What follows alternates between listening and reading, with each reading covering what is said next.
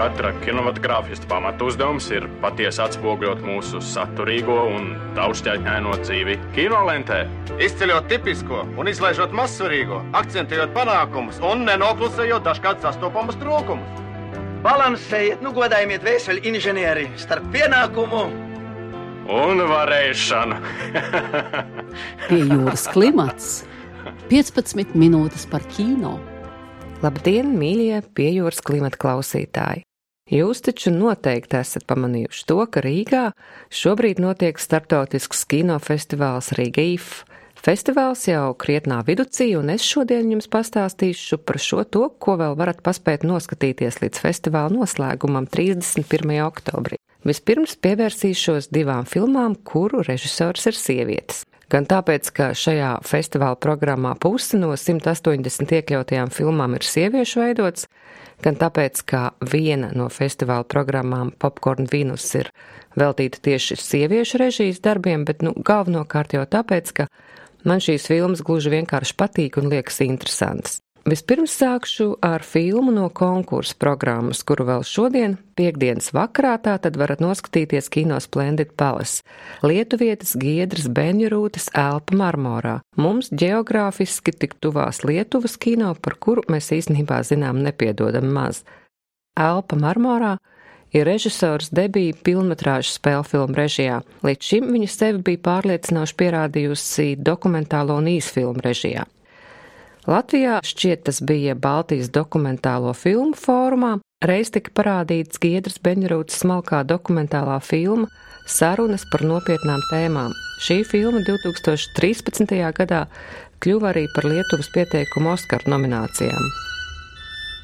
Lietuviešu komponista Gedimina Gelgota filmā radīto mūziku mēs tagad klausāmies.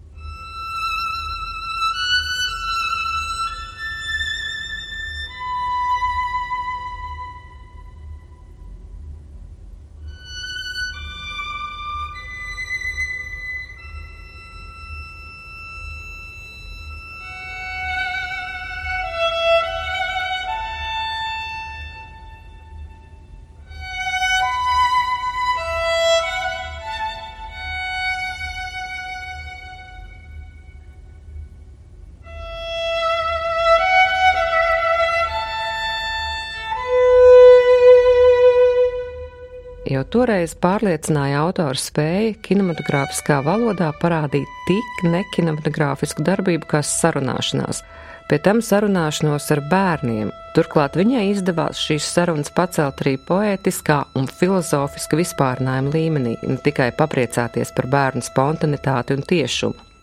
Šajā kontekstā interesants ir fakts, ka Giedra sešus gadus kā brīvprātīgā ir strādājusi bērnu uzticības telefona dienestā, un tajā laikā uzkrātā pieredze, emocijas un drēbes pazīšana ir jūtama viņas veidotajās filmās. Iespējams, tā palīdzējusi arī veidojot elpu marmorā. Festivāla dienās es ļoti ceru nointervēt talantīgo lietuvietu un sarunas rezultātu noteikti piedāvāt arī jums nākamajā piejūras klimatā. Bet pagaidām vēl var jums pastāstīt, ka filma Elpa marmorā ir tapusi pēc tāda paša nosaukuma lietuviešu rakstnieces Lauras Sintīs Čerņauskaitas romāna, kurš 2009. gadā atnes viņai Eiropas Savienības literatūras balvu. Latviski romāns nav tulkots, bet angļu versiju iespējams iegādāties gan papīra, gan Kindle versijās. Tas ir stāsts par kādu ģimeni, nu, visvairāk jau par ģimenes sievieti Izabeli, kuru saskaras ar labiem nodomiem izdarītas adopcijas neparedzētajiem sarežģījumiem. Filmas tēma un filozofija man atsauc atmiņā neseno diskusiju un mediju pētījumu sistēmas bērni, lai gan Bienjurūtas filma, protams, nav publicistiska, tā nenodarbojas ar tiešu reflektēšanu par sociālām tēmām. Arī šajā filmā, tāpat kā manis iepriekš pieminētajās sarunās par nopietnām tēmām, Viņai izdevies stāstu sociālo skarbumu, īstumu, savienot ar kino valodas poētiku, vizualitāti un metaforām, nu, visām tām lietām, kas kino atšķir no žurnālistikas un ziņu sižetiem. Tas ir ceļojums ne tikai mūsdienu Lietuvas realitātē, bet arī cilvēku psiholoģijā, zemapziņā, nopietna un dziļa un nekādā ziņā neviennozīmīga plakana saruna par mūsu izvēlēm un to sekām. Nu, un visbeidzot jāpiemina arī tas, ka Alpa marmorā ir kopražojums ar Latviju filmā. Piedalās arī Guna Zariņa, kur lieliski runā lietuviski, un skan Vestārda Šimkus mūzika, kas izpelnījusies nomināciju Latvijas Nacionālajai kinobalvai Lielais Kristaps. Intervijā Signē Dzenītei Vestards atzina, ka atrast pareizo muzikālo intonāciju pēc režisoras ieteikuma viņam palīdzējis lietuviešu džēza dziedātājs Indras Dirgalaitas fascinējošā balss. Tā skan arī filmas Elpa marmorā skaņa celiņā.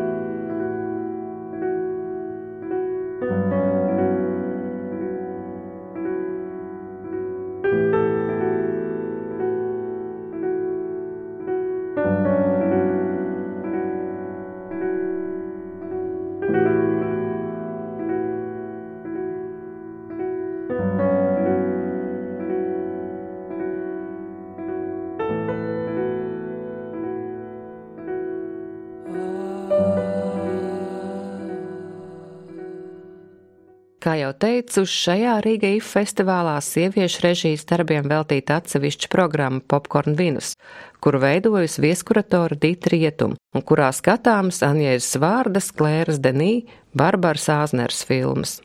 Es šodien pakavēšos pie itāļu režisoras Lilianas Kavānī 1974. gadā uzņemtās lentes Nakts portjē. Šī filma, lai arī ierakstīta pasaules kino klasikas pamatfondā, tikusi nesaprasta un neviennozīmīgi vērtēta, kritizēta, saukta par skandalozu un šokējošu.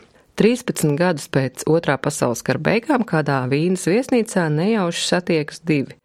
No skata necils vīrietis, viesnīcas sportjē, un jauna, labi nodrošināta sieviete, kur ceļo pa Eiropu kopā ar savu vīru diriģentu.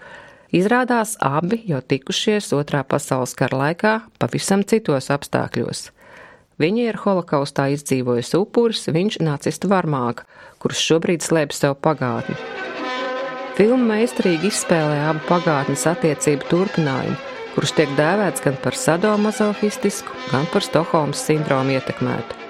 Režisora Liliana Kavānī stāsta, ka pirmais impulss nakts portiē tapšanai radies veidojot dokumentālo filmu par nacistu nometnē izdzīvojušām sievietēm. Ho fatto un documentario di un'ora, sempre per la RAI, sulla donna della resistenza.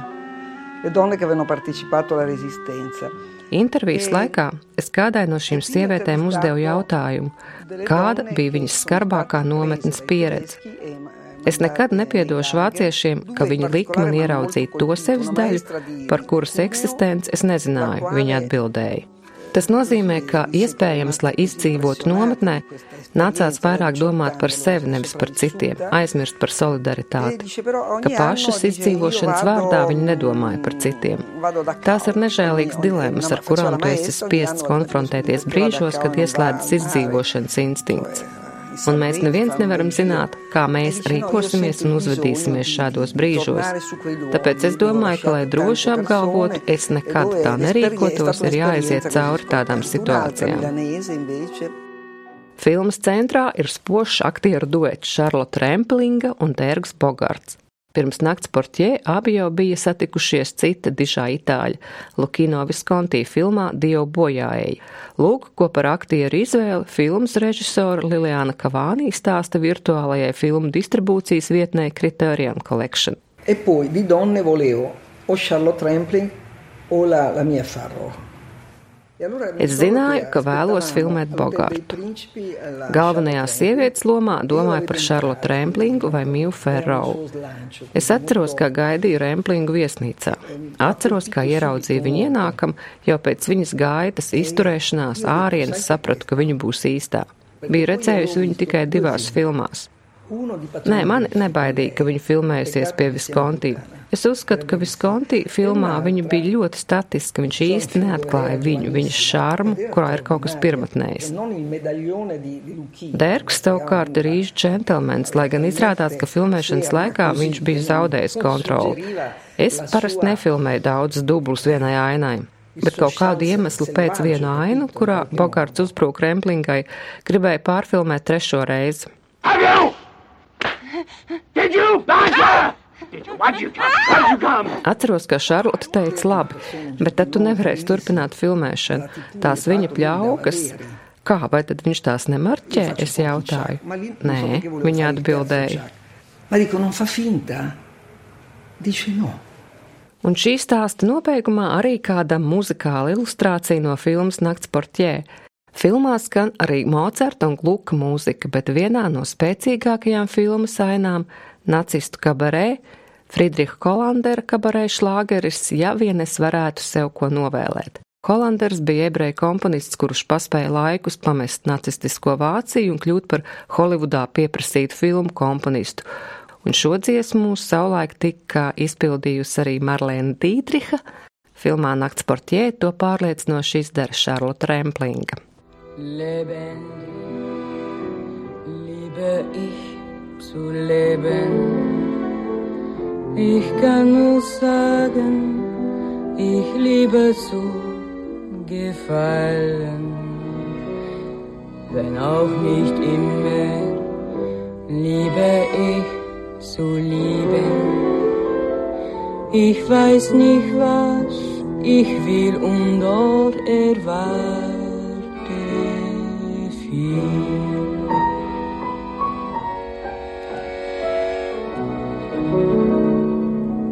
Wenn ich mir was wünschen dürfte, käme ich in Verlegenheit, was ich mir denn wünschen sollte, eine schlimme oder gute Zeit. Wenn ich mir was wünschen dürfte, möcht ich etwas glücklich sein.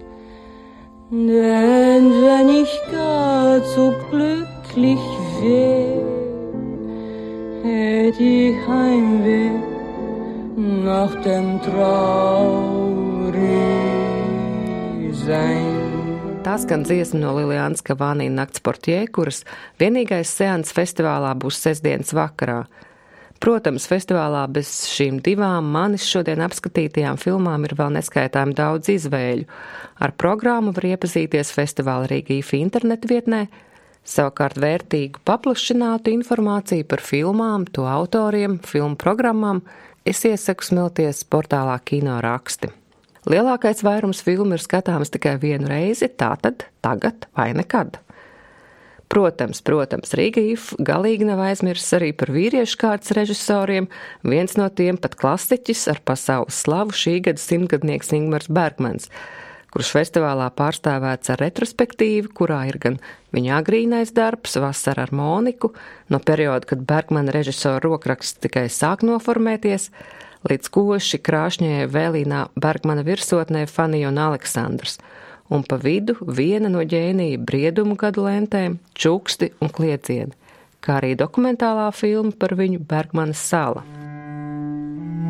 Viens no Bergmana mīļākajiem skaņdarbiem esot bijis Sarbanda no Johana Sebastiana Baha otrās čēlo svītas.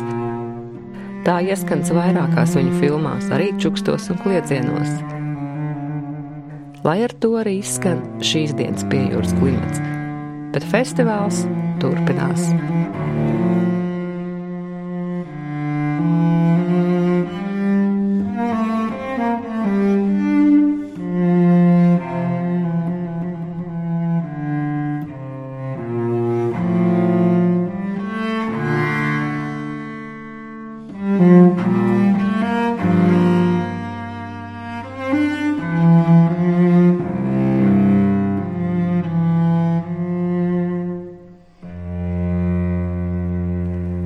Raidījumu veidoja Kristīna Šelve, producēja Inga Saksona un Agnese Zeltiņa, raidījumu atbalstīja Kālaža kultūra kapitāla fonds.